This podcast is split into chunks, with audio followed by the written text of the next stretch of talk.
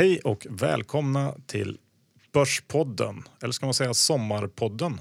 Ja, det tycker jag du kan säga, Johan Isaksson. Ja, den här veckan har vi snackat med Christian Woborill, fondförvaltare på Coeli Fonder. Ja, det här är ju verkligen en av finansbranschens stekare. Lågt handikapp i golf, kör Porsche och jobbar som fondförvaltare. Du kommer inte högre upp på stekarlistan än så, Johan. Nej, men det är inte bara yta, utan Christian är en väldigt duktig stockpicker också som hade väldigt mycket intressanta saker att berätta för oss eh, när det gällde hans sätt att eh, hitta aktier och hur han ser på eh, en hel del case just nu. Ja, det är väldigt intressant att höra hur mannen bakom en fond faktiskt eh, tänker. Ja. Diro ska vi tacka. De sponsrar den här podcasten. Ja, det vet ni sedan länge. Och har du inte konto så gå in på giro.se, öppna ett konto, trada gratis under en miljon om du har det depåvärde eller alla internationella marknader som finns, nästan får man väl lägga till. Dessutom har de ISK, giro.se. Yes, och Lendify, där kan det bli din egen bank. Ja, du får ju helt okorrelerad avkastning om du har ett eh, konto hos Lendify.se som alltså handlar om peer-to-peer lending. Jag tycker ni ska gå in och kika in Lendify.se och se om det kan vara något för dig. Ja, och vi snackade med Christian den 21 juni. Här kommer det samtalet.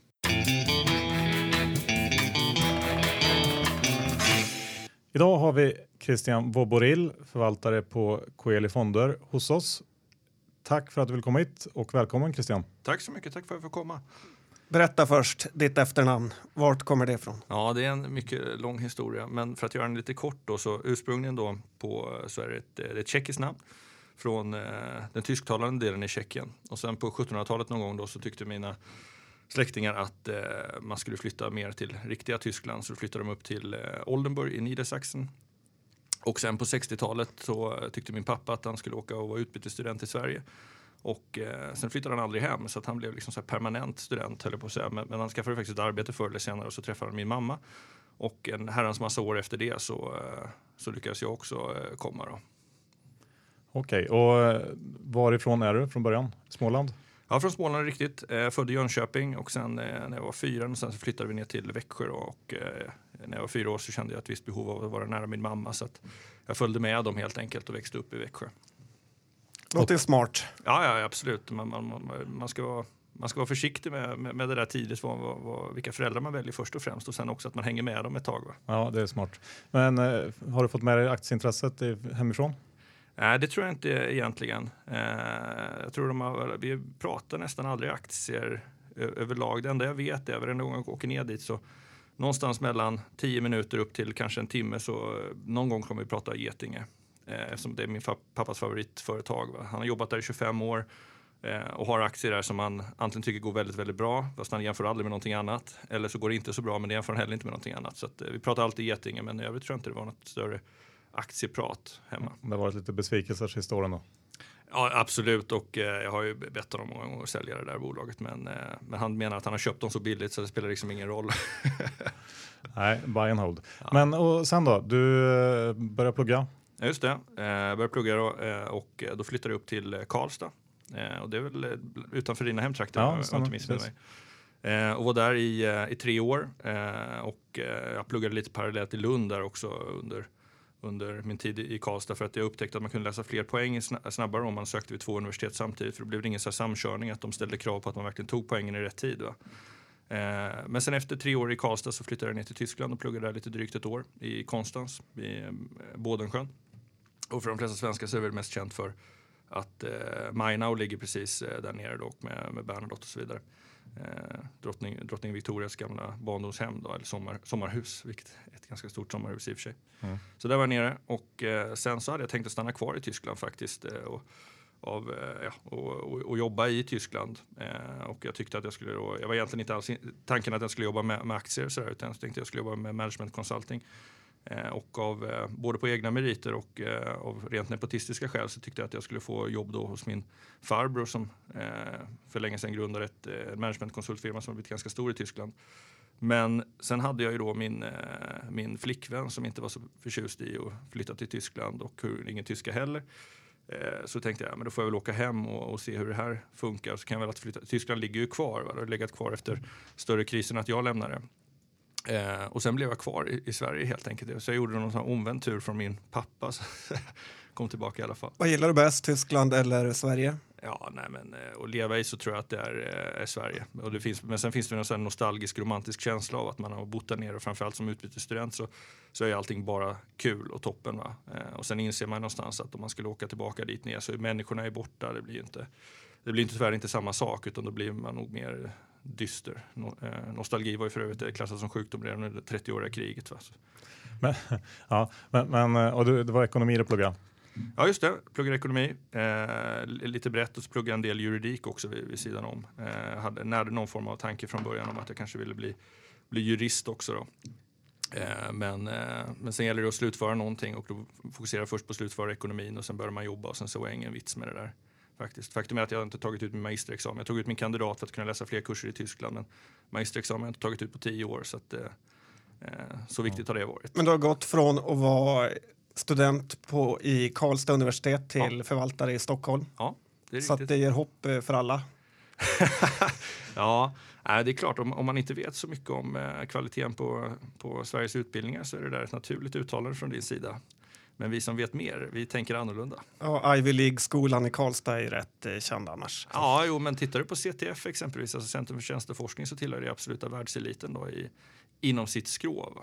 Men hur tog din eh, karriärfart här i Stockholm?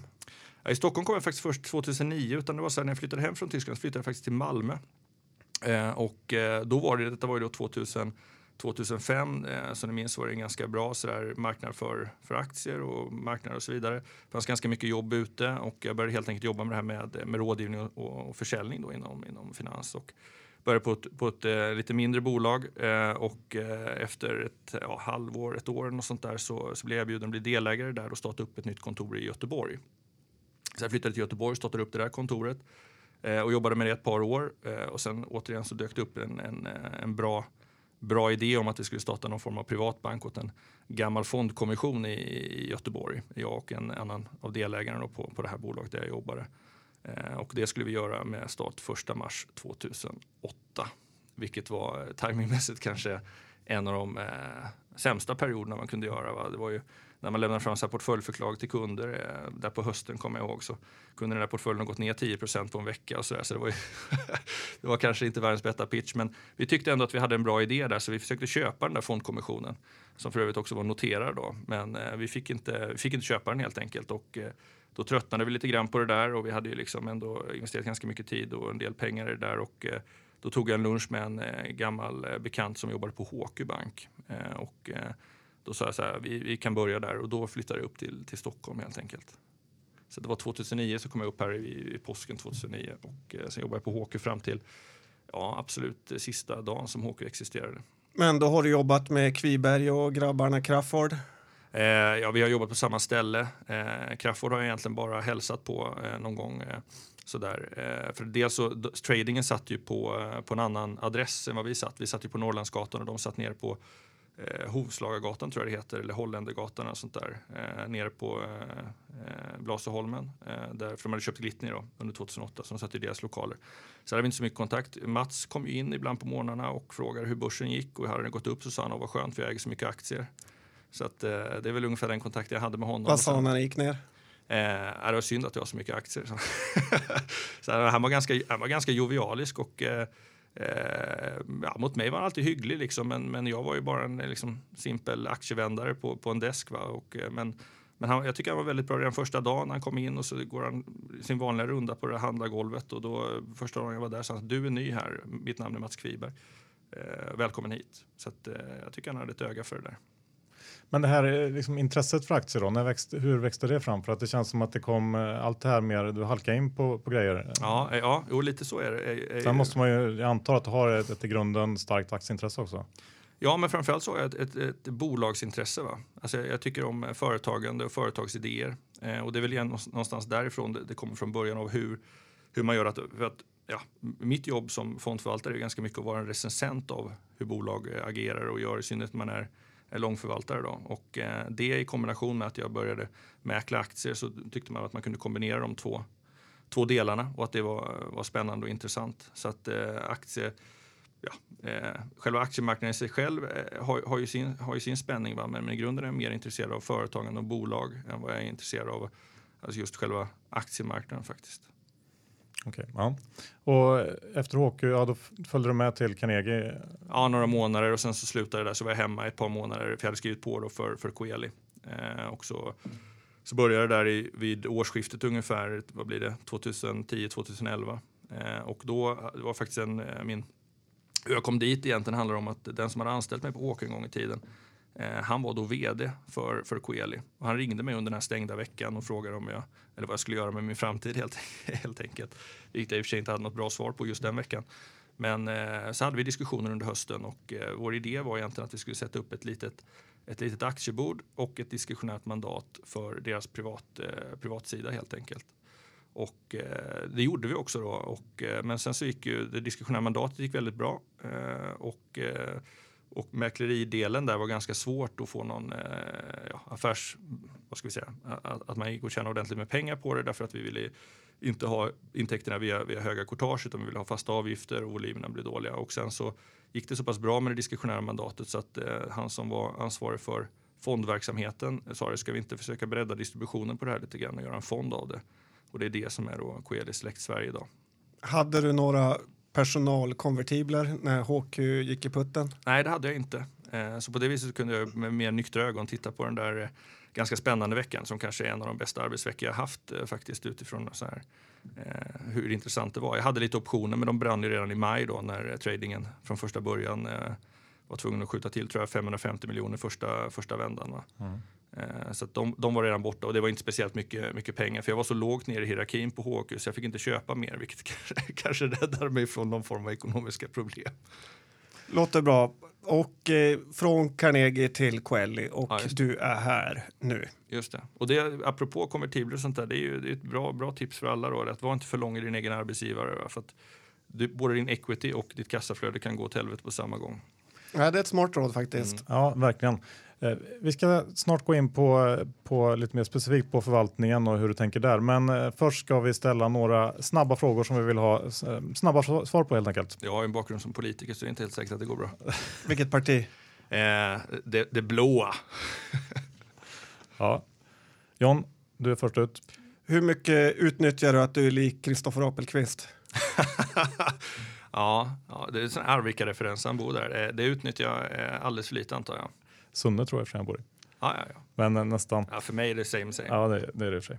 Om du bara får äga en aktie, vilken? Hmm. Då tror jag att jag väljer att äga eh, Investor.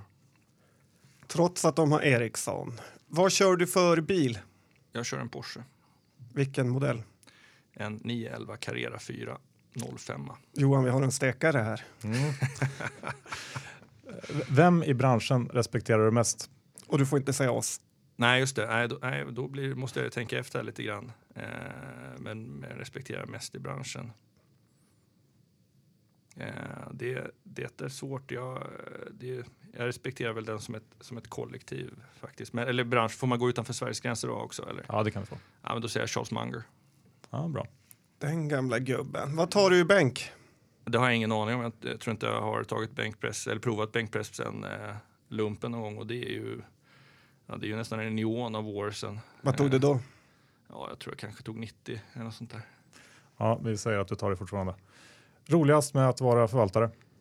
Eh, att arbetet är väldigt fritt. Eh, man kan jobba hur mycket och eh, hur lite man vill och när man vill framför allt. Eh, så det, det, är väl det som är roligast. Samtidigt är väl det som är det jobbiga är att man alltid jobbar på sätt och vis. Alltså det är svårt att särskilja när man läser någonting och får någon idé och så vidare. Även om man är ledig så så blir det någon form av arbete. Men eh, friheten och eh, att det är ganska, det är väl det fina tycker jag överhuvudtaget i finans, det är, att det är ganska lätt att mäta om man gör det bra eller dåligt. Varför har du alltid fluga? Eh, ja, det är en bra, dels tycker jag det är fint. Eh, det är väl den främsta, men det var så här, för ett antal år sedan så var jag, var jag sjuk och var hemma och, eh, och så var jag ganska trött på att ha slips. Jag hade haft slips på mig närmare tio år varje dag.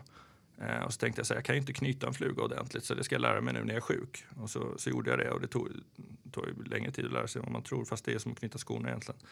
Eh, och då lärde jag mig det och sen eh, när jag väl kom tillbaka till jobbet någon, någon, eh, några dagar senare så har jag haft fluga sedan dess. Så det är väl två, två och ett halvt år sedan. Och, sånt där. Mm. och eh, sista frågan, vad betyder Coeli egentligen? Coeli betyder himmel. Eh, och sen har man tagit det där av eh, Carta Coeli, det vill säga himmelskarta. Och från början så är det här ett rent rådgivningsbolag. Va? Och då skulle man, tänkte man att det skulle vara som någon sån här tydlig rådgivning, precis så som den här eh, Carta Coeli är, då, det vill säga en väldigt exakt stjärnkarta.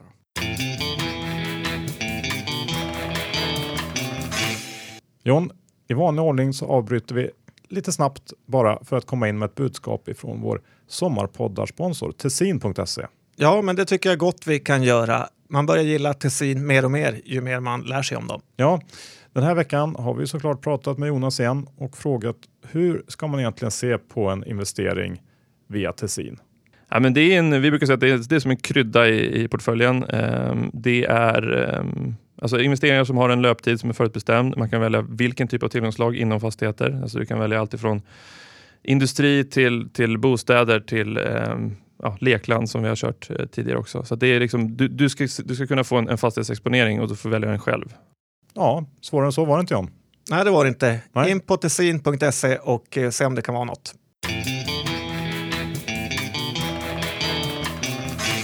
Nu ska vi gå in på det roligare, eller, eller hur Johan? Är, nu ska vi börja snacka stocks. Ja, men vi kan börja med hur, hur eh, din förvaltningsfilosofi, mm. hur ser den ut?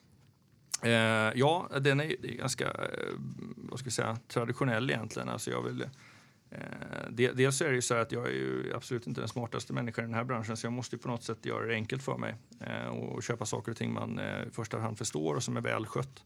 Därför att eh, det handlar ju om att göra ganska lite fel då när man, eh, eh utifrån mitt, mitt perspektiv. Då. Jag menar, ni har en mycket mer avancerad filosofi eh, och ni ska agera mycket mer kortsiktigt och så vidare. Jag måste ha någonting som fungerar över över tiden. Och är mer, om jag säger så här att om ni är Formel 1-förare så är jag ju någon form av eh, eh, busschaufför mellan Arvika och Åmål eller något liknande. Det ska gå ganska långsamt men man ska komma fram i något sån här rätt tid. Va? Låter kul. Ja, det är väldigt kul. Nej, Trots men, att du kör Porsche? Ja, ja exakt. Eh, ja, nej, men privatpersonen Christian Oboril kan ju skilja sig avsevärt från yrkesmannen. men, men låt mig säga så här, min filosofi är inte grund jag, jag har två sätt egentligen att titta på. Dels försöker jag hitta någon form av eh, alltså makrotema. Alltså så här, var i konjunkturen är man och var kan man hitta strukturell tillväxt någonstans? Eh, och när jag hittat, eh, och, och hittat den idén så försöker jag screena ut vilka bolag det är som finns inom det här eh, eh, ja, universet då, och framförallt i, i Norden, huvudsak Sverige men, men även i, i Norden. Eh, och då blir det mer en kvalitativ eh, förvaltningsfilosofi och då kan man väl säga så här att ja, det, från början brukar man väl kalla att det där är eh, värdeorienterat men, men egentligen så är det ju mer kvalitet eh, trots allt. Va? Eh, och bolag som har bra balansräkningar, eh, låg skuldsättning, bra kassaflöden eh, och en affärsidé som sagt som är gärna skalbar eh, och, som, och sen också att man lämnar eh, okej okay, okay utdelningar. Så att, eh, och få, sammanfaller det här då med eh, makroidén, ja då gör vi en investering. Är det så att det finns bara makroidén men vi hittar inte den här typen av bolag, då gör vi inte investeringen i alla fall.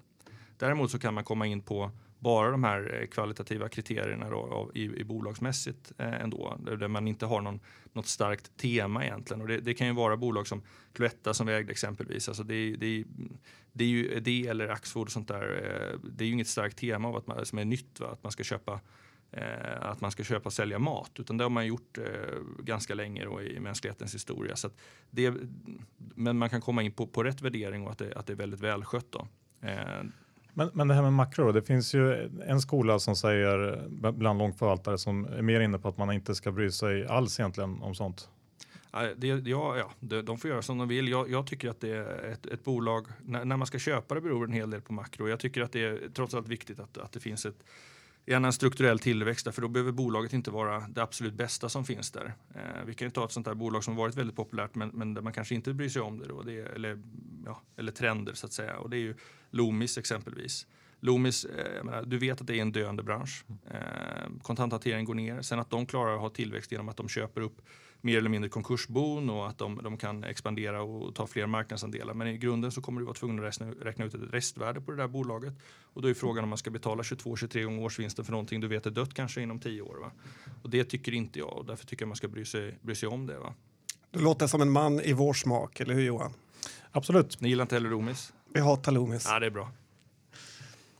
Hur, hur är största skillnaden då? Att, eh, om man jämför med, med hur man tänker som förvaltare och eh, privatsparare? Vad, va, vad är de, de eh, faktorer som man kanske inte tänker på som privatsparare som du måste tänka på? Jag tror snarare det, det är tvärtom. Jag tror att man som, alltså, eh, om man vänder på frågan lite grann, så jag tror som fondförvaltare så vet du att du ska vara investerare egentligen i oändlig tid. Va? Eh, för fonden ska ju finnas hela tiden och då behöver du inte bry dig om egentligen de här kortsiktiga svängningarna av att om det går ner 5 eller 6 eller 10 procent på börsen eller ännu mer 30 du ska ändå vara så pass långsiktig och då handlar det om att göra rätt saker över, över hela tiden. Medan man som privatperson så är det jäkligt jobbigt om man ser att eh, ens eh, portfölj går ner 30 procent därför att man kanske inte har en oändlig tidperspektiv på när man ska använda sina pengar. Va? Och då tror jag att man stressar upp sig och man egentligen felaktiga, felaktiga beslut. Eh, och det gör ju såklart att det är lite lättare. Och sen är, är det lite lättare att vara rationell när man, när man ser det som sitt arbete och man inte dagligdags behöver tänka på de här pengarna att man ska använda dem i någon form av konsumtion. Jag, jag menar, ni har säkert delat upp era, era portföljer såklart att ni har liksom någonting ni, ja, en lång portfölj och sen har ni er trading och sen har ni säkert pengar som går till allmän, allmän drift så att säga, som är, istället för någon form av kassaflöde. Men det är klart att om man körde hela sin kassa i daytrading varje dag då skulle det kännas otroligt jobbigt att man var ner kanske 15 000 en dag och sen så har du dessutom räkningarna då på 15 000 kronor den, månad, eller den dagen som du ska betala och sen dagen efter ska du känna igen det med mindre bas igen. Va? Då tror jag att man, man, man stressas ut och, och, gör det ganska dåligt. Och, ja, ni har gjort det bra, för ni har varit, hur länge har ni varit eh, traders? Ja, sen 2009 kan man säga. Ja, ja, men då har man ju uppenbarligen hittat en modell som fungerar hur man kan separera de här delarna. Men hur transaktionsintensiv är du som eh, förvaltare? Eh, ja, inte speciellt mycket. Vi ligger någonstans, eller ja, det beror på vad man jämför med, men eh, vi byter väl ut innehaven kanske 0,6 gånger per år något sånt där. Så byts innehaven ut. Vissa har legat där väldigt länge eh, och, och, vissa går ut. Och man, man kan säga så här, generellt sett så är det de dåliga innehaven som åker ut snabbt faktiskt. Eh, och sen ibland så kan det vara bra innehav som går ut men där man inte har påverkat det själv egentligen. Som för ett par år sedan här så, så ägde vi tror jag Sunnytech i tre veckor men sen blev de uppköpta då. Eh, vilket blir en bra investering men, men det blir också jobbigt därför du ska försöka hitta någonting som du själv tror är lika bra över tiden igen. Så att, var du rädd att Fi skulle ringa? Nej, det var jag inte. Eh, nej, varför, varför, skulle de göra det? Ingen annan ville ha den där aktien. De var ju jätterädda för marknaden. Och varför vi köpte det var ju dels gillar vi Sandtech, men vi hade inte varit med i emissionen där utan det var ju en sån här enorm squeeze därför att Ryssland höll på att bråka med, med Ukraina och så hade de en fabrik utanför Kiev och så trodde man att det där kommer Putin ta. Och, och, det kändes ganska orimligt. Eh, och sen så var det enorm press. Och så kan man säga så att i efterhand så visade det sig också att en stor del av den där pressen kom ifrån att Futuris la ner som ägde en jäkla massa aktier som vi kunde plocka på oss då. Men då låter det ändå som att ni är relativt eventdrivna på eh, din fond. Nej, men jag skulle inte säga att vi, det är så vi följer en hel del bolag vid sidan av de som investeringar vi har. Och är det någonting så att eh, antingen i en rapportperiod eller någonting annat som vi tycker inte är en del av caset, alltså som är eh, trams eller som är brus, då försöker vi plocka upp dem då. Eh, och det, det, är egentligen den enda anledningen, när man tittar på rapportperiod som vi snart ska in i.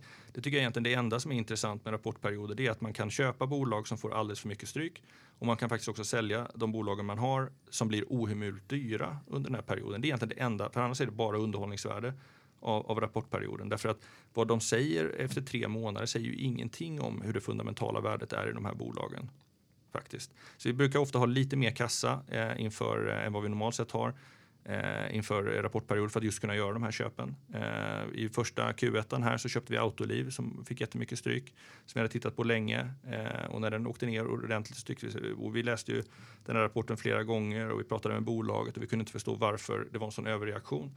Eh, och eh, då helt enkelt köpte vi den där och det blev ju en ganska, ganska bra resa där. Då. Man vet ju alltid varför man köper en aktie, men varför säljer ni aktier? Är det för att de är dåliga eller för att eh, värderingen är för hög? Ja, generellt sett så är det för att värderingen är, är för hög. Eh, jag tror inte vi har haft någonting där vi tycker att eh, bolaget eh, gör fel, fel saker utan eh, ofta där så har vi, eh, har vi gjort vårt case innan varför vi vill äga det och så länge inte det förändras och inte värderingen går upp, då fortsätter vi äga det där. Så att ibland sitter vi med sådana här bolag som eh, jag skulle säga, underpresterar då förhållandevis benchmark under ganska lång tid. Eh, men vi gillar dem ändå och vi, vi hoppas att över, över tiden så ska ju inte eh, aktiemarknaden vara irrationell även om den är kortsiktigt. Va? Eh, och vi kan inte tjäna pengar egentligen på att, ja det kan vi ju, men, men, eh, men vår tanke är inte att tjäna pengar på eh, kortsiktig irrationalitet utan vi vill tjäna pengar på att marknaden över tiden är rationell. Autoliv då, ja. när är den eh, köpvärd, i vilka intervaller och när säljer du den eftersom du verkar titta mycket på värderingarna? Ja, nej men som sagt nu, nu har de ju en bra tillväxt här och som, som ligger uppåt 8-9 procent. Och eh, så länge de fortsätter leverera det och eh, jag menar, de värderas väl på, på dryga 20 gånger årsvinsten och sånt där och det är väl helt okej okay med, den, med den tillväxten och den potentialen som finns där.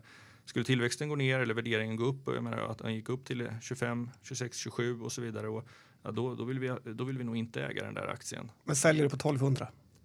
Eh, jag, jag, sätter inte den där typen av riktkurser riktigt faktiskt, utan vi, alltså sådär, inte på förhand riktkurser därför att en riktkurs är ju det, det, om jag ska vara helt ärlig så tycker jag det är nästan på gränsen till oseriöst att sätta riktkurser faktiskt. Eh, det, det är också någon form av underhållningsvärde för, för, för retail egentligen. Av att man, eh, men jag menar, när du sätter riktkursen första januari och sen så mycket väl så kan det ju hänt massa saker eh, den 7 februari som, som gör att eh, den är värd dubbelt så mycket. Va? Men det kommer du inte få i den här riktkursen, den justeras inte upp. Och jag såg i någon tidning här för jag tror det var igår, någon av de här affärstidningarna eller någon av de här som skriver om aktier i alla fall, av att de justerade upp riktkursen för just Autoliv med 2,5 procent.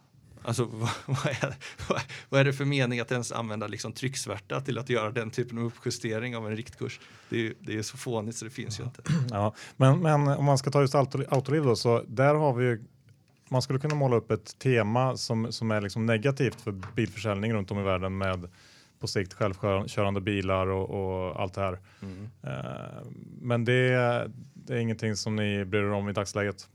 Nej, men nu, nu är ju Autoliv absolut inblandad i den typen av aktiv säkerhet som, och, och säkerhet överhuvudtaget kommer ju finnas. Säkerheten för bilar försvinner ju inte för att man får självkörande bilar. Nej, men man kan tänka sig att de blir färre. Eh, ja, varför då? Ja, för att man kanske kan eh, med hjälp av olika tjänster utnyttja bilarna. Många bilar står ju bara på gatan om man säger så och utnyttjas ju inte till sin fulla kapacitet. Ja, okay. Eh, så den grejen. Ja, nej, men det, det, det är en god poäng eh, och det kan man ju ha med men än så länge har vi, har vi inte sett det och jag tror att oavsett om du har självkörande bilar som är nästan nästan säkra så man kan ju komplex, göra den här frågan väldigt komplex också. Det är ju det, dels med självkörande bilar hur de ska försäkras överhuvudtaget då. och eh, frågan är om du vill sätta en försäkring då, en personförsäkring så att säga, eller en trafikförsäkring som en tredjepartsförsäkring. Om det inte finns väldigt mycket säkerhetsanordningar i de här bilarna. Eh, för att, eh, ja, eh, ja, vem, vem, tar i så fall skadan? Och du vill väl såklart att bli så lite skadad som möjligt oavsett om, om risken är väldigt, väldigt liten eller inte. Mm. Hur, det här med ledningar då, ledningspersoner, hur viktigt är en bra ledning? Tror, det, det, tror jag är ganska viktigt. Jag ska säga, vi, vi gör inte någon sån här riktig eh, alltså någon scorecard och säga så att det här är väldigt bra det här är dåligt. Utan Eh, men en förutsättning är att man, man ändå känner en form av förtro eller att man har ett förtroende för den ledningen som är. Annars tycker man att ledningen är värdelös så ska man inte köpa det där bolaget eh, överhuvudtaget tycker inte jag. Eh, men det är klart att en bra ledning eh, en bra ledning kanske inte gör så mycket som en dålig ledning kan förstöra.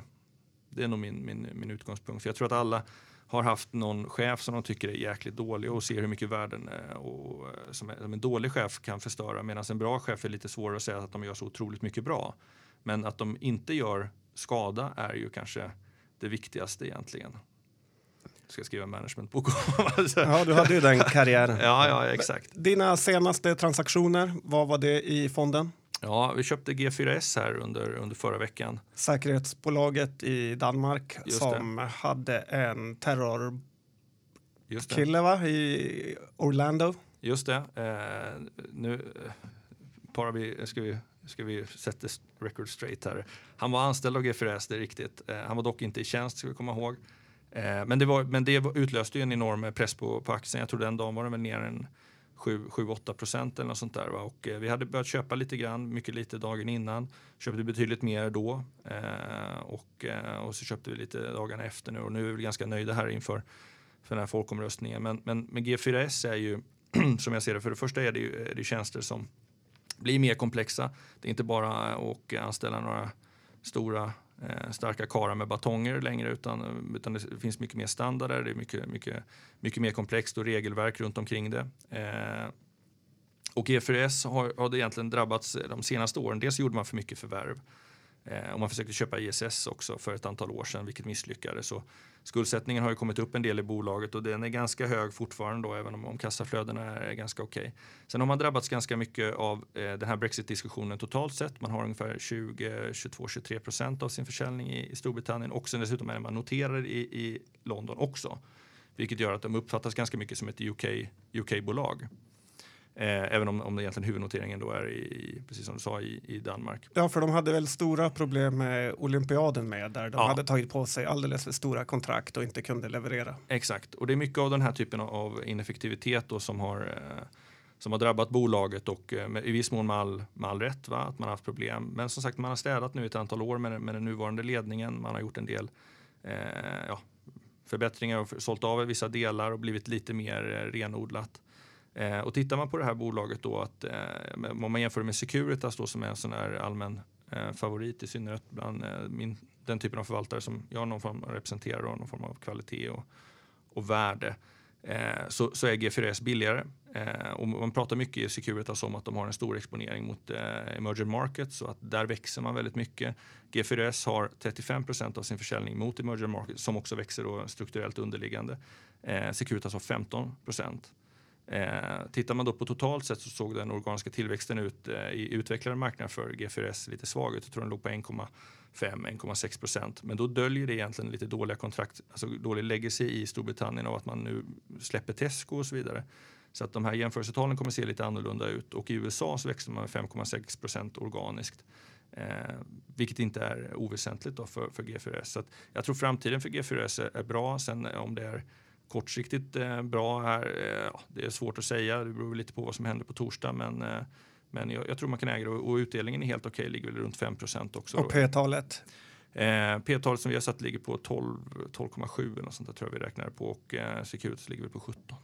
All right, det var vad ni köpte. Vad sålde ni senast? Sandvik sålde vi eh, i samband med rapporten eh, och det har vi ägt ganska länge eh, som en stor besvikelse då för de flesta ägare där. Men, men för min del så så tycker jag att det fanns, eh, dels var värderingen väldigt hög, den låg väl också runt 17 det ligger väl runt 17-18 gånger årsvinsten, eller det gjorde då i alla fall. Nu har den kommit ner lite grann och sen rallade den igår. Så.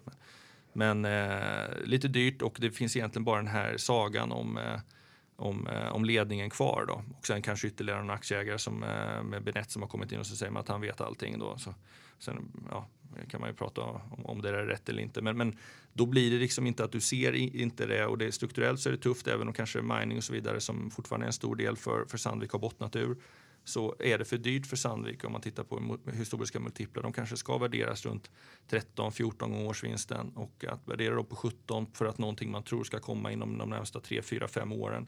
Det är lite, lite högt. Jag vill gärna äga Sandvik igen men, men det, det blir helt enkelt för dyrt och då, då plockar jag hellre upp någonting annat. Ska man inte köpa de här bolagen på höga multiplar och sälja dem på låga? Är det inte så det saying går inom finans? Hur, eh, hur tänker du då? Att man ska köpa Sandvik när det är låg konjak för dem och P-talet högt och sälja det när det är hög konjak för dem och P-talet lågt. Ja, jo, jo så, så, så, kan man ju säga. Men, men, i det här fallet så är det ju, är det snarare så att det, det, finns en förväntansbild här som kanske är alldeles för, för hög, hur snabbt de här förändringarna går. Va? Lågkonjunkturen har ju funnits där under, under flera år. Jag menar, vi, vi trodde väl att det hade bottnat kanske redan för ett och ett halvt år sedan när vi köpte Sandvik och trodde att det skulle bli, bli förbättringar.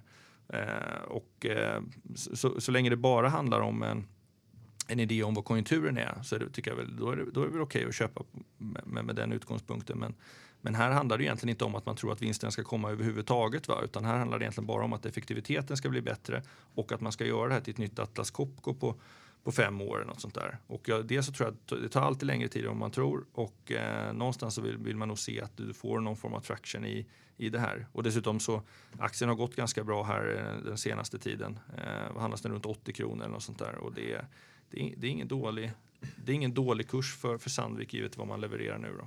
Nej, jag har svårt att argumentera mot det där så att, eh, vi går vidare tycker jag. Finns det några branscher som du inte gillar eller inte investerar i? Eh, läkemedel investerar jag inte i eh, och det är inte för att jag inte tycker läkemedel är en, en bra sektor att vara investerad i. Det tycker jag eh, nog att det, eller jag gillar läkemedel.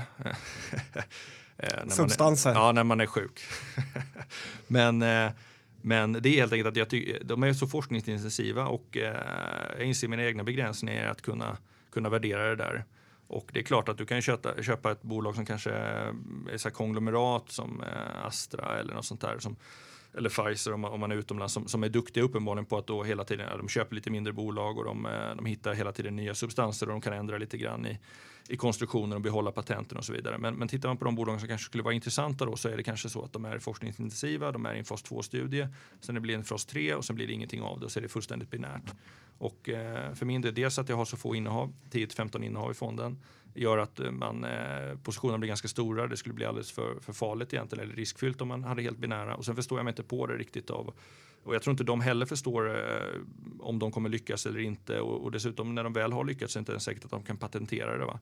Så det är så många kugghjul som gör att eh, det blir för svårt för mig helt enkelt. Ja, vi är många som har förlorat en hacka på att tro att vi kan analysera det där. Men tittar man på sektorer som du gillar så är du ganska tung inom finans i din fond. Du har SEB som näst mm. största innehav och eh, Swedbank och även det danska försäkringsbolaget Trygg. Just det.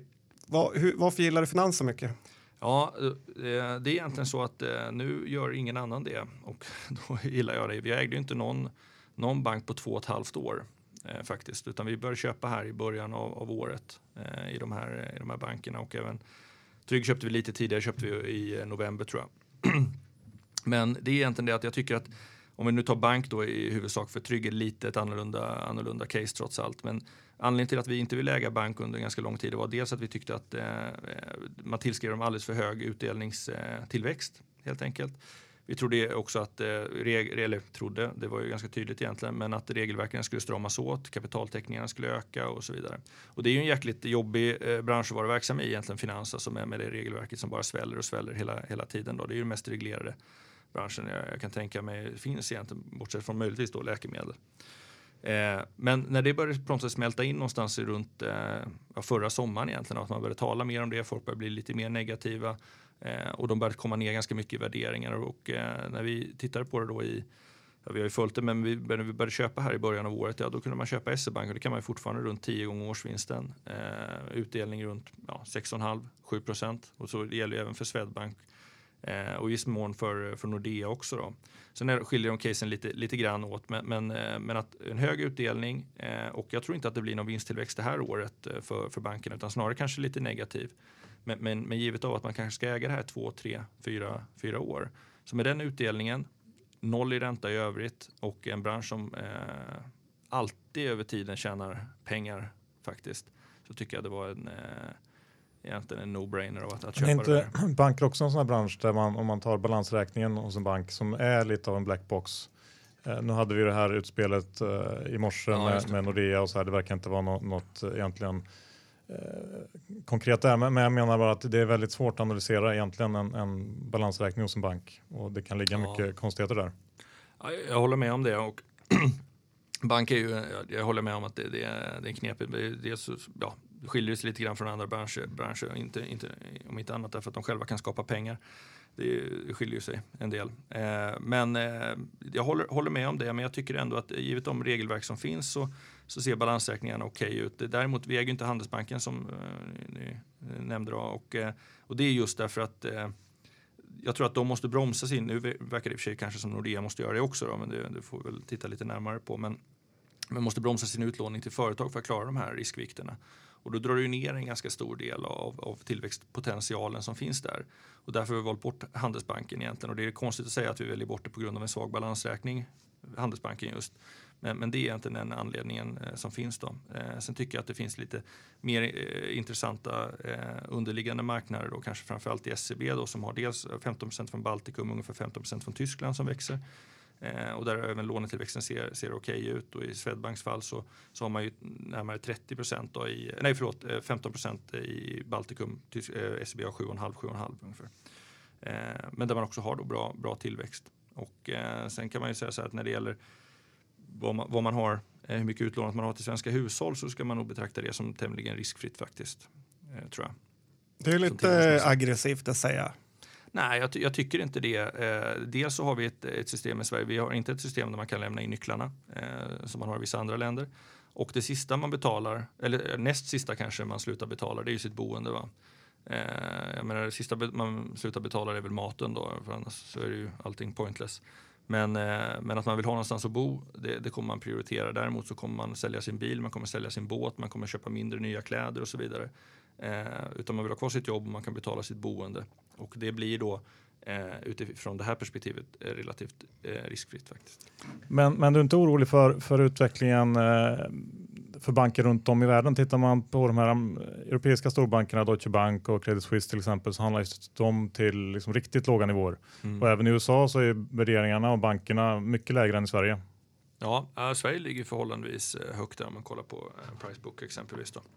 Men Eh, nu, nu, ska jag säga, nu har jag inte gått igenom de europeiska bankerna per se, och jag, jag, men däremot har jag tittat på värderingar och de ser låga ut generellt sett. Men i Deutsche Banks fall eh, så är det ju, de har egentligen inte gjort eh, någonting för att stärka upp balansräkningen sen krisen egentligen, utan de har ju rullat på som ingenting hade hänt. Va? Och det kan nog vara ett problem i, i sådana där jättebanker av att man, man inser inte problemet, så den absoluta krisen är klar och sen har du lite sån uh, moral hazard av att du vet att någon kommer baila ut dig i alla fall och det har säkert varit så i Sverige också. Men, så jag kan inte riktigt säga det, men, men eh, det är klart att på sina håll där så ser det svagare ut och inte, om inte annat så åker de ju på en del straffavgifter och så vidare och eh, kanske har, kommer ha problem och eh, ha en sån här gränsöverskridande handel, eh, inte minst då mellan europeiska banker som har, och schweiziska banker och så vidare som eh, med, med USA. Då. Men eh, det, det, finns ju problem på sina håll och i Italien exempelvis så bör det väl kanske, eh, om, man, om man ska tro de som tittar lite närmare på det, att du kanske behöver en konkurs där. Va? Eller någon form av nationalisering av en bank innan, eh, innan eh, skiten är uppe på bordet. Va?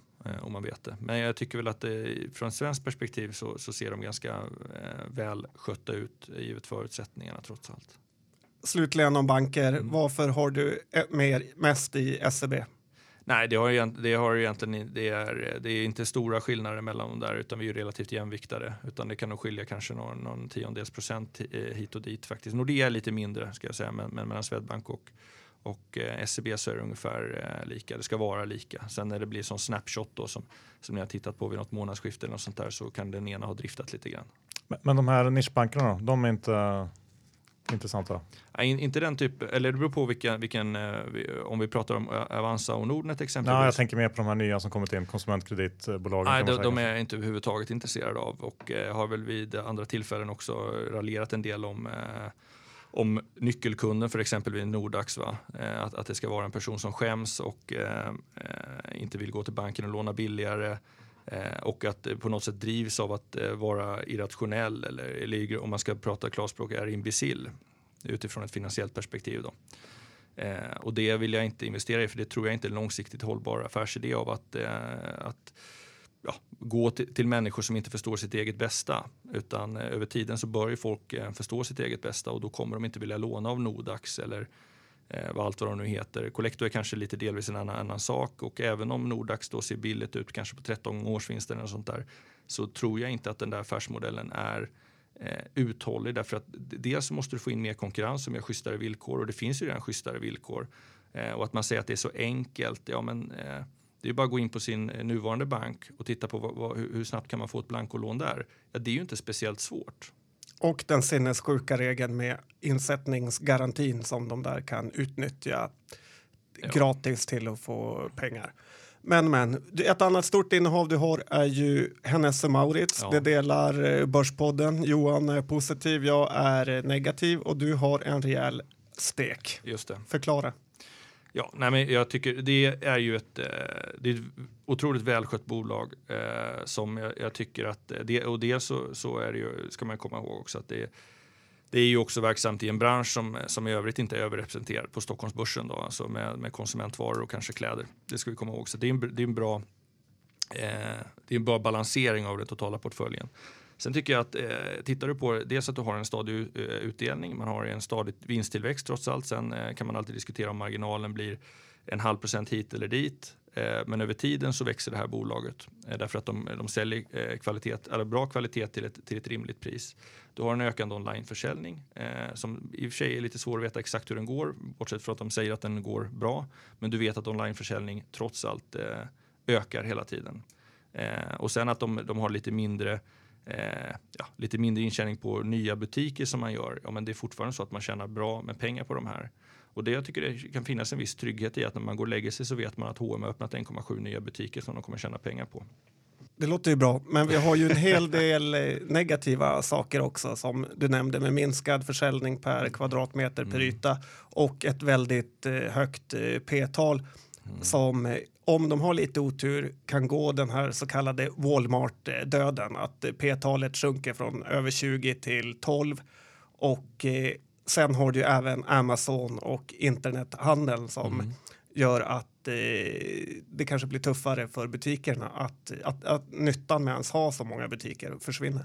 Ja, men, men, så kan det vara. Eh, det kan vara så att man inte kommer ha lika många butiker i framtiden alternativt att man drar ner på den eh, expansionstakten i, i hur många butiker man, man, man ska öppna. Nu, man har ju då att eh, målet är väl 10% nya butiker per år och det är ju såklart att när man kommer upp i så många butiker som man har nu så blir det svårare och svårare att faktiskt lösa det. Även fast, och jag trodde nog att man kanske skulle justera den där målsättningen här i, eh, för, för något, något kvartal sedan och, och, säga att man ska öppna lite, lite färre, men, men det gör man ju inte då.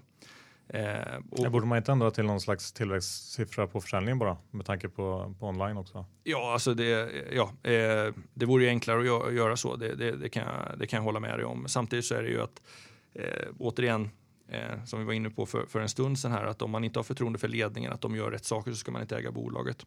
Och jag tror att, att man, eh, jag, jag, tror på den här ledningen som, som finns av att det är en bra sammansättning med eh, dels eh, den unga herr Persson då i spetsen men också att han har väldigt goda rådgivare runt omkring sig och att man, man klarar av att driva det här. Och skulle det vara så att man inte tycker att de gör det eller att de, de tappar för mycket i försäljning, och jag menar, eh, försäljningen kommer inte då gå från eh, från sig att de ökar med 10% nu då, eller 10-11 att, att den går inte ner till 1% över ett kvartal utan där kommer du se i så fall att det, att det trendar. Och det är klart, det kanske inte är den bästa investeringen då, men, men tror du att det går åt det hållet, ja då ska man hålla sig borta, successivt gå ut H&M eller hålla sig borta från H&M. Men just nu så tycker jag att H&M fortfarande gör det bra till en rimlig värdering givet de tillväxtsiffrorna. Och Sen också tittar man på att, de, att eh, om man tittar på eh, balansräkningen och kassan där och justerar lite grann för det så känns det som en, som en ganska bra investering över, över lång tid. Men vi har inte, det är inte alltid ägt H&M. Alltså det är inget sånt här default-innehav som man lätt kan tro att de flesta svenska fondförvaltare har. Utan vi har ägt H&M i, tror, i knappt två år av fondens fyra. Så tidigare ägde vi inte H&M. Vad tycker du om alla bisatsningar, typ KOS, H&M Home och eh, Other Stories? Är det bra eller borde de fokusera på sin kärnverksamhet som jag tycker?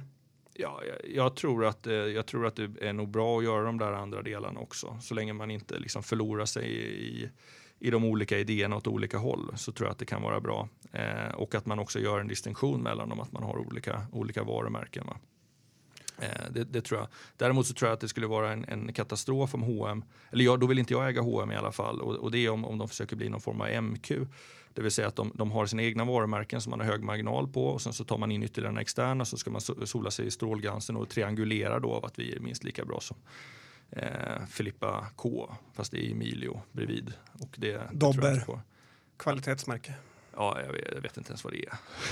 ja, nej, inte John heller tror jag. Um, ma marknadsläget generellt nu då? Det är ju, har ju varit ganska länge en speciell tid med nollränta och, och stimulanser från olika håll och mm. kanter. Mm. Hur, hur, hur, ser ni på det? Eller hur ser du på det? Eh, ja, det, det, också, det finns ju många parametrar där, men, men eh, dels nollränta är ju över tiden inte bra. Alltså det, det kan jag tänka mig, därför att det, det kommer ju blåsa upp tillgångsvärden eh, på, på ett osunt sätt. Och, eh, och då kan man säga så här, givet aktiemarknaden och låg ränta, ja, men då, då kan vi känna ganska trygga av att det finns en bas där i. Eh, därför att det finns inte så mycket alternativ. Så det kortsiktigt så är det alltså bra för aktiemarknaden och känns ganska tryggt att vara i aktiemarknaden då. Därför att ska du få ut någon form av tillväxt så måste du nästan vara i, i aktier. Det negativa är ju om, om investerare blir stressade över att inte få någon avkastning någon annanstans och så ska man trycka sig in i någon, nästan någon form av obligationsliknande eh, aktier med noll tillväxt eh, och så blåser man upp då ett bolag som kanske växer, vad ska vi säga, 1 eller något sånt där Eh, och då ska man trycka upp den till 20-25 gånger årsvinsten. Eh, och då, då, blir det lite av den här typen av value traps. Va? Och dessutom så får man in investerare som också inte hör hemma på aktiemarknaden. Alltså de som normalt sett köper bonds som inte kan få ut någonting. Menar, ja, alla vill ju inte köpa då tyska obligationer med negativ ränta och bara ge bort pengar. Va? Eh, och då, då köper de eh, saker de inte vill äga och inte riktigt förstår och så blir det otroligt stökigt istället. Och det är inte då bra med, med givet då den här Eh, extremt, extremt låga räntan. Eh, utan man ska ju köpa aktier tycker jag om, om man har en, en, längre tidshorisont och man tror att de här bolagen kommer växa över tiden och du kan ta del av dem, av de vinsterna. Då. Eh, är man bara inne för en, för en kort spekulation då, eh, men ändå tänker ta långpositioner så tror jag man är väldigt, väldigt fel ute och man kommer fatta felaktiga beslut. Utan man måste veta caset varför man är där och så länge inte det förändras då kan man fortsätta äga det. Då. Och sen när man äger aktier så som jag sa, talade om Charles Munger här tidigare, så sa han det att om man inte kan tänka sig förlora 40% av sin förmögenhet eh, var 30 år så har man ingenting på aktiemarknaden att göra. Varför gillar du honom mer än Buffett? Därför jag tror att det är han som är hjärnan där. Mm. Eller vill du bara vara annorlunda? Nej men, eh, nej, men jag, jag, tror att det är han. Ja, dels så tycker jag, ja, dels så, nu är ju, eh, ja, dels tycker jag Munger är mycket mer eh, eh, vad ska vi kalla det, eh, finurlig i sina, i sina svar. Eh, sen så är han ju republikan till skillnad från Warren Buffett som är demokrat, vilket är lite tilltalande tycker jag. Jag håller med. Ja, och eh, nej, jag tycker här, det, det, finns, det finns ju någon, någon charm med människor som eh, helt enkelt bara säger vad de tycker och eh, spelar ingen roll om de får spela första fiol i det fallet. Och Warren Buffett är ju första fiolen där. Eh, men jag är övertygad om att Charles Munger är hela symfoniorkestern bakom Berkshire Hathaway i övrigt. Har du varit på någon stämma? Nej, det har jag inte varit. Eh, jag, jag, jag äger heller inga aktier i Berkshire Hathaway, men jag var medbjuden av en, en kamrat som har några, några stycken. Då. Eh, men då kunde jag tyvärr inte åka av att jag skulle göra någonting annat. Jag kommer inte ihåg, jag skulle säkert spela golf eller något sånt där på någon trevlig plats. Men... Med Porsche? ja, det, den använder jag i och för sig. Därför jag har också en liten sån penselbag för det är ungefär det som får plats i, i det inte alls för väluttagna eh, kupéutrymmet.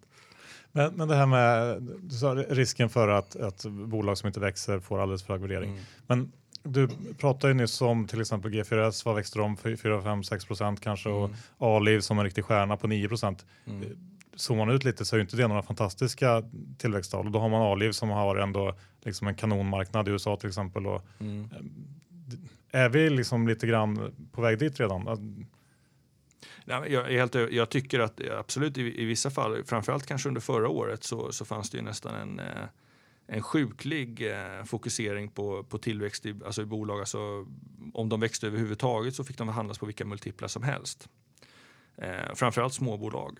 Eh, gick ju, dels gick ju aktierna väldigt starkt och det finns ju olika skäl därför att det var inflöde i de fonderna också så trycker man upp det där själv så blir det en självfyllande profetia av att det går väldigt, väldigt bra. Men, men jag tycker att det, det är ju eh, att, att jaga tillväxt till vilket pris som helst är, är inte bra. Eh, utan, och, och det, är ju, det är ju kanske den allmänna börstrenden att det har varit så. Sen de jag talade om här nyss då, det är ju det är snarare de som egentligen inte vill lägga aktier alls som då eh, trycker upp eh, värderingstalen på bolag som, eh, som ska handlas lägre för att de har en lägre tillväxt, även om den är ganska förutsägbar då kanske. Du pratar om inflöden och utflöden. Hur är det för dig? Vad säger kunderna? Flödar det in eller ut pengar? Vi har varit, eh, vi har varit ganska stabila faktiskt. Eh, vi har inte haft speciellt mycket. Det har gått ganska netto noll faktiskt. Är det inte jobbigt att ha en fond när börsen går ner och folk vill ta ut pengar? Så man tvingas sälja även fast man kanske vill köpa? Det tror jag att det är. Nu har jag faktiskt aldrig varit i den situationen riktigt eh, som, som tur är. Då. Eh, men, men det är klart att, eh, och i mitt fall eftersom jag äger mest large midcap så jag har ganska bra likviditet i mina bolag. Så att, eh, det vi skulle, om vi skulle få ett större utflöde så, så, skulle, så går, försvinner det bort i, i mängden egentligen. Däremot är det värre om man är då småbolagsförvaltare, man sitter i ett papper och eh, den andra sidan vet i realiteten att det är du som måste sälja. Va? Och då kommer du få, kan jag tänka, om jag själv skulle sitta på andra sidan så skulle jag ge skambud på det där och bara för att plocka, plocka över det. Då. Men, eh, men i mitt fall så är det som vi inte haft några dramatiska utflöden eh, och eh, vi har så bra likviditet i de papperna så att eh, det spelar inte så stor roll om vi skulle vara tvungna att sälja över, över en dag. Om vi nu säljer H&M och ska sälja H&M för 20 miljoner så är inte det ett jättestort problem för oss. Faktiskt. Då köper Johan dem. Absolut. vad, vad, vad tror ni om, om konjunkturen fram, framöver? Då? Har ni någon vy på det? vi, vi tror ju att det kommer vara lite som muddling through eller man ska säga på svenska men att, att det är en Eh, präglas av ganska låg, låg tillväxt. Eh, och även om då att det, dessutom det osäkra momentet i det här fallet är att de som kanske ska leda själva deltat i det här, eller själva förändringsprocessen, eller den stora förändringsstyrkan i Europa.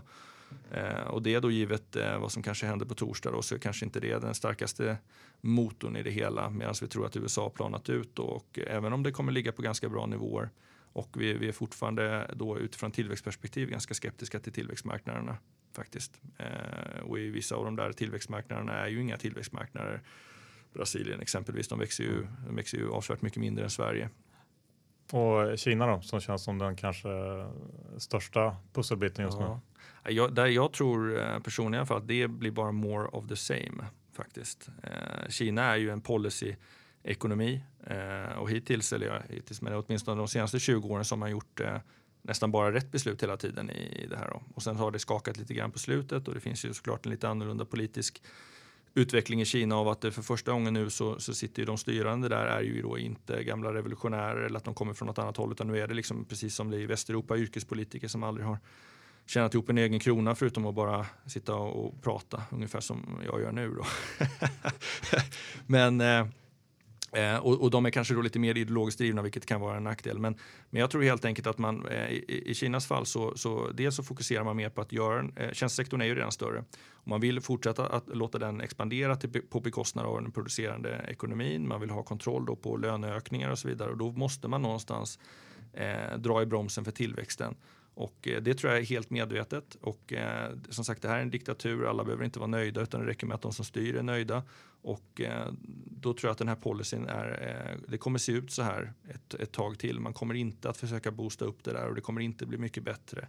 Däremot så tror jag inte kanske att man behöver vara jätterädd för att det ska bli någon stor fastighetskris i Kina. Men, eh, men du behöver kanske refinansiera lite banker, eh, få bort lite av den, av den svarta eh, lånesektorn och få lite mer kontroll för det och det kommer kosta, kosta tillväxt. Eh, och sen ligger de stora utmaningarna tror jag i Kina eh, och det är ju att man måste bygga upp någon form av eh, eh, alltså välfärdsstat, antingen att den finansieras privat eller att den, att den finansieras av, av staten. Då. Därför att problemet är att du har en så stor eh, sparkvot i Kina. Och varför har man en stor sparkvot? Jo, därför man är rädd för att bli gammal. Va? Och man måste kunna finansiera när man blir gammal. Dessutom har man bara ett barn i alla fall, ja, nu har man ju luckrat upp det där lite grann, men sen 70-talet då så, så har man eh, har man inte fått ha mer än ett barn och då finns det ingen som kan försörja dig, du sparar för mycket och du är rädd och det finns ingen som tar hand om dig, du kan inte köpa de här tjänsterna och då, då blir det en låsning i systemet. Folk vågar inte, inte ta, eh, ta den typen av risker de kanske egentligen skulle göra då med, sina, med sina pengar. Och sen så verkar det ju som, det här är ju ingen vetenskaplig belägg för det, men, men eh, de, de jag känner som har varit i Kina och pratar med kinesiska ja, människor i största allmänhet men även investerare så, så, är det ju kanske lite väl mycket eh, att man ser aktiemarknaden som ett eh, stort kasino eh, där man egentligen bara trycker på den ena så ser man om, det, om, det, om den blir grön eller röd och så, så kör man sådär och då blir det ju jäkligt turbulent om, om saker och ting eh, vänder åt, åt fel håll. Va? Så tycker de som kommer till Sverige också. ja, du, får ringa, du kan ju ringa det här numret då som, som finns så kanske prata med statsministern och så kan han berätta hur det ligger till. eh, ska vi, tiden går snabbt här. Ska vi avsluta kanske med eh, ditt favoritcase just nu om du inte redan har dragit det? Bland, ja, men, ja, men det har jag nog gjort eftersom att det, det är nog G4S tror jag. Då får vi ta nummer två. Ja, Ja, men då, då, nummer två. Alternativt, du kan ju få, få köra igen, ett, ja. ett, nej, eller ditt, ett, ett blankarcase, ett, ett säljcase. Ja, det är alldeles för svårt. Ja, eh, okay. Blankningar, eh, för det där kommer ju timingaspekten in och timing är jag ju inte speciellt bra på. Då. Eh, utan det, det överlåter jag till mycket mer intelligenta människor som två andra här i studion. Då. Ja, eh, lite mycket. Men, men ja. Eh, ja. nummer två då på listan? Ja, nej, men, av de nya innehaven som vi har tagit in så är det Dometic eh, som jag tycker också har kommit ner en bit eh, som jag tycker ser intressant ut. Eh, dels så, där har du också en strukturell tillväxt i, i, inom det här skrået av att, att eh, det efterfrågas fler eh, ja, husvagnar och lastvagnar, eh, inte, ja, lastvagnar också i och för sig. Men, eh, och husbilar och båtar och så vidare. Och att man har de här värmeaggregaterna, kylskåp och eh, luftkonditioneringar och så vidare. Och där gör Dometic det bra. Eh, aktien är ju faktiskt billigare nu än vad den var när de noterades. Vi var inte med i noteringen ska jag säga. Vi har inte varit med i någon notering överhuvudtaget eh, någonsin. Eh, så Dometic tycker jag ser bra ut och värderas förhållandevis låg för en ganska stabil och välskött verksamhet. Och den här stämningsgrejen som var ute, var det något slags tillfälle för er att köpa in då?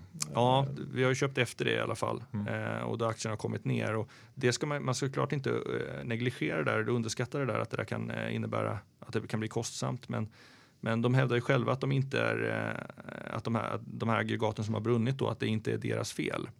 och då tror jag att man, man får ta de där på orden också med ledningen så att säga. Och, eh, eh, nu, nu kommer dessutom eh, vdn som jag har tappat namnet på här, men han har, har ju också en bakgrund inom fordonsindustrin så han är ganska van vid just recalls då. Eh, och vet nog hur man ska hantera det där och jag tycker att eh, det där kan nog bli ganska bra. Men stämningar i USA ska man alltid vara försiktig med.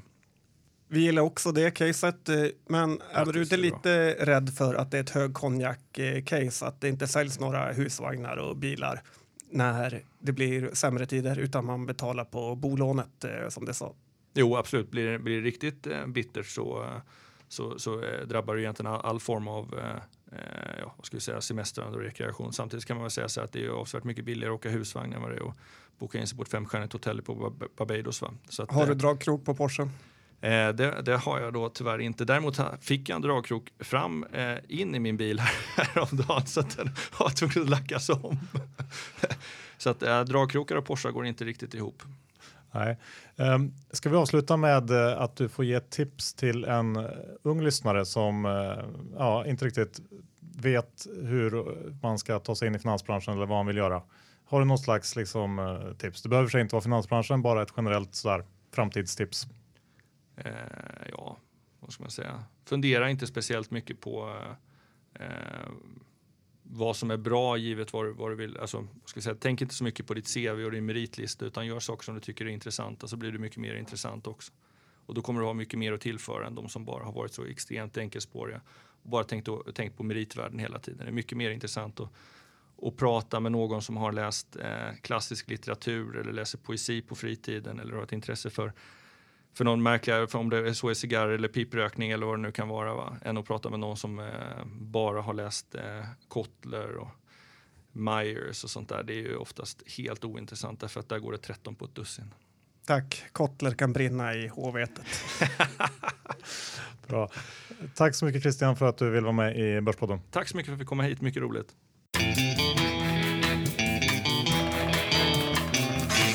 Tack för det Christian får vi säga om. Ja, det får vi. Att eh, den här killen har varit med om både det ena och det andra i aktiemarknaden och är inte heller rädd för att ta risk i olika event-case. Och det tycker jag kanske jag tar med mig från den här eh, intervjun.